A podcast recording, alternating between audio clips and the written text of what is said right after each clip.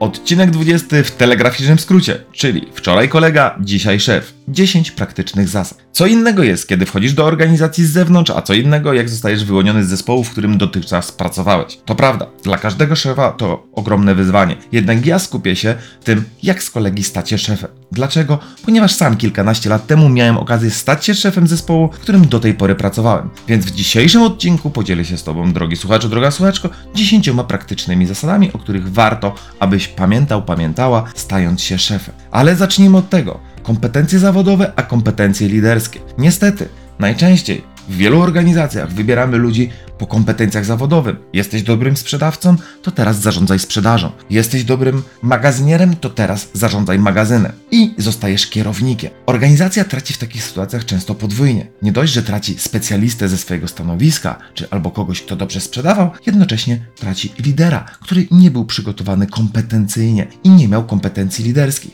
Wrzucanie ludzi na głęboką wodę może być pewnym rozwiązaniem, ale czasami kosztuje zbyt wiele lub powoduje to, że tracimy ludzi ze stanowisk. Warto zainwestować w kompetencje liderskie. Czemu trudno jest odmówić awansu nowemu szefowi? Jest kilka powodów. Z jednej strony mogę pokazać, że brakuje mi kompetencji i boję się oceny. Z drugiej strony, przecież to jest szansa dla mnie. Mogę ją tak naprawdę stracić i więcej się może ona nie pojawić. A poza tym ta szansa powiązana jest z większą kasą i prestiżem. W wielu organizacjach jest tak, że specjalista nie może zarobić więcej niż przełożony i tak naprawdę czasami to jest jedyna szansa na większą kasę. Kolejna rzecz to trudności, z jakimi ja jako lider spotykałem się z nowymi sytuacjami, w których do tej pory jeszcze nie byłem. Na początku brakowało mi kompetencji i umiejętności zarządzania, więc uczyłem się na błędach. Nie potrafiłem wyjść z roli kolegi. Niektórzy potrafią odciąć się, zmieniając dotychczasową relację z ludźmi. Ja byłem tym, który nie potrafił nie być kolegą. Znajdują się też osoby, które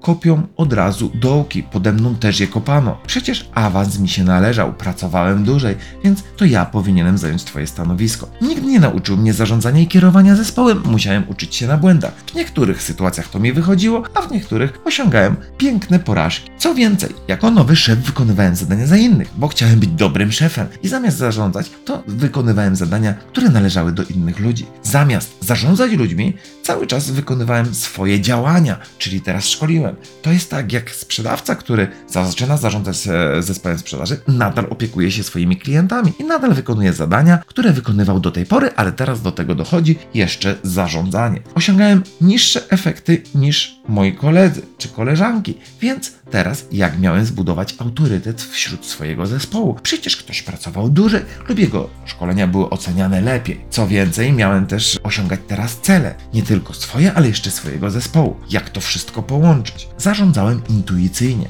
Czasami intuicja podpowiadała mi dobrze, a czasami całkowicie nie. 10 praktycznych zasad, o których warto pamiętać, kiedy stajesz się szefem. Zasada pierwsza. Ustal wspólnie z zespołem zasady, których będziecie wspólnie przestrzegać. Zasada druga. Określ wartości, które są dla ciebie ważne. Zapytaj też swój zespół, czyli zasada trzecia, o wartości, jakimi się kierują. Zasada czwarta. Pokaż, jakie wsparcie i jakiej pomocy możesz udzielić jako szef. Zasada piąta. Ustal formy komunikacji. Kiedy kontaktujemy się mailowo, kiedy przez telefon, a kiedy może przez dany komunikator. To zniweluje wiele problemów komunikacyjnych. Zasada szósta. Modeluj zachowania. Jak chcesz, aby byli otwarci na komunikację twoi ludzie, ty też musisz być otwarty. Jeżeli mają przychodzić punktualnie, ty też musisz być punktualny. Zasada siódma. Kompetencje literskie należy rozwijać. Muszę rozwijać swój warsztat. Zasada ósma. Bądź otwarty na feedback. Zapytaj o to, jakiego lidera ludzie oczekują. Czasami oglądamy różnego typu wideo, YouTube i czytamy książki lub słuchamy podcast, zamiast zapytać po prostu ludzi, czego chcą. Zasada dziewiąta. Pytaj ludzi, co jest dla nich ważne. Niedawno skończyłem warsztat. Na samym podsumowaniu ludzie powiedzieli o tym, że chcieliby, aby na następnym warsztacie byli ich przełożeni, żeby też z nimi pracowali i z nimi spędzali ten czas, z nimi też tworzyli coś więcej. Więc pytaj o to, co dla nich jest ważne. I ostatnia, dziesiąta, ważna zasada. Może i najważniejsza, mimo że kolejność ich nie miała większego znaczenia. Daj sobie czas. Musisz mieć czas na poukładanie relacji, na poukładanie mechanizmów, procesów, zasad. Ten czas jest potrzebny. A ty drogi prezesie, drogi właścicielu, jeżeli właśnie zatrudniasz nowego młodego lidera, daj mu narzędzia do rozwoju. Stwórz akademię, stwórz materiały, którymi będzie mógł się dodatkować, albo stwórz wewnątrz swojej organizacji mentoring, który pozwoli im rozwijać się jeszcze lepiej i co ważne, daj im po prostu czas. Zachęcam Cię, drogi słuchaczu, droga słuchaczko, do pogłębienia tematu w pełnometrażowym odcinku podcastu Między Szelkami. Jeśli znalazłeś w tym podcaście coś ciekawego, daj suba, łapkę, podziel się tym z innymi, dla mnie to duża wartość. I to był 20 odcinek w telegraficznym skrócie, czyli wczoraj kolega, dzisiaj szef i 10 praktycznych zasad. Do usłyszenia w kolejnym.